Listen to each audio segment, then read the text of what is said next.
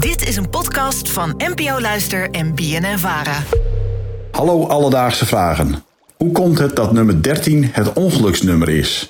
En is dit in alle landen het geval of verschilt dit belang? Bedankt voor het uitzoeken. Groet Hobbe. Alledaagse Vragen. NPO Luister. Hobbe uit Makkum, dankjewel voor het insturen van je vraag.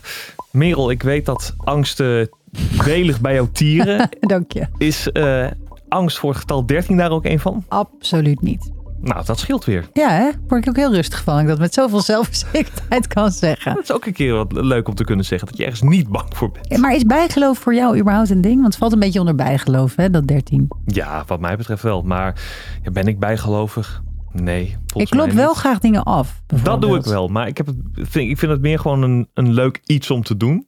Ja, maar ik denk toch altijd, het kan ook niet echt kwaad. Dus waarom zou je het laten? Als het Ja. misschien ergens helpt. Ik ben wel iemand die ook expres onder eh, trappen door gaat lopen. Als oh ja, straat zo, staan. zo dwars ben ik Gewoon een beetje wel. van, fuck it, weet je. Er kan toch Ja. niks gebeuren. En ik ren altijd achter zwarte katten aan. Kom nou, kom nou. Nou, Oh. wist je trouwens dat het wel een naam heeft als je bang bent voor eh, het getal 13?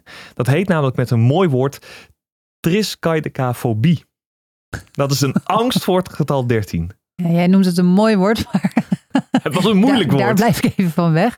Oh ja, wat heftig. Ja, natuurlijk. Ja, elke angst bestaat. Dus Ja. deze ook. Laten we teruggaan naar de vraag van Hobbe. Eh, voor een antwoord belde ik met Ineke Strauken.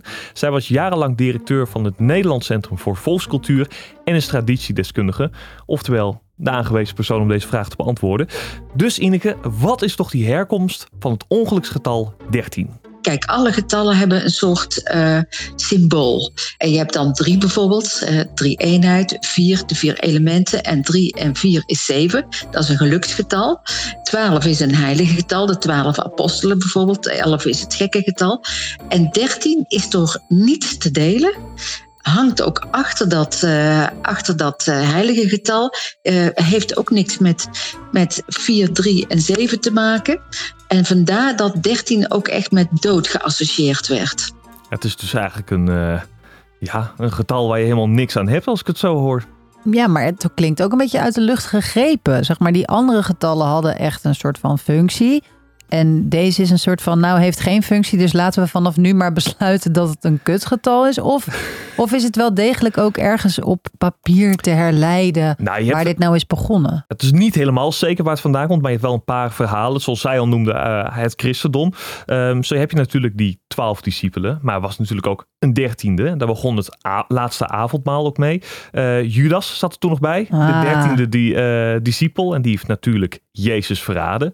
Dus in die zin is nou, 13 een ongeluksgetal vanuit het christendom. Eh, daarnaast heb je ook een verhaal uit de Noorse mythologie. De Noorse goden die hadden daar ook weer een diner. eh waar, eh, Ze dineren wat af, ze dineren wat af.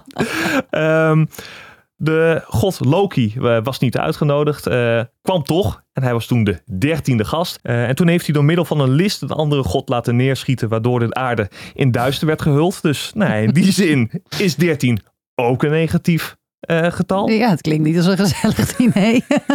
ik ben blij dat ik er niet was. Dus het is niet helemaal duidelijk waar het vandaan komt. Maar er zijn dus wel, eh, dan wel uit het christendom of uit de mythologie, aanwijzingen dat ja, 13 Niet favoriet is. precies. Dat is dan nu helder. Maar waar komt die vrijdag en 13 dan eh, vandaan? Nou, je raadt het al, ook hiervoor mogen we weer naar het christendom kijken. En vrijdag, eh, dat is eigenlijk dubbel bijgeloof. Want op vrijdag is, eh, ja, is Jezus aan het kruis gestorven. En soms heb je zelfs dat op Goede Vrijdag ook nog Goede Vrijdag de dertiende is. Ja, dan moet je wel helemaal eh, bergen. Dus het heeft ook nu weer met het christendom te maken. Het was, vrijdag was de dag waarop Jezus gekruisigd werd. En zo waren nog wel meer dingen in de Bijbel die op een vrijdag gebeurden. En die niet heel fijn voor de mensen Ja. waren. Maar hoe ver gaat dat eigenlijk door, Aaron? Want ik heb wel eens begrepen dat in ieder geval in de westerse wereld... er bijvoorbeeld ook echt geen dertiende etage is in, in flats en zo. Ja, dat gaat heel ver. Je hebt inderdaad flatgebouwen waarin geen dertiende etage is. Ehm vliegtuig waarbij de dertiende rij verwijderd is. eh, hotellen die geen kamer 13 hebben. Ehm, het gaat best wel ver. En dat is puur een soort van westers bijgeloof, dat Ja. 13, getal 13. Want over andere culturen gaan we het nu hebben.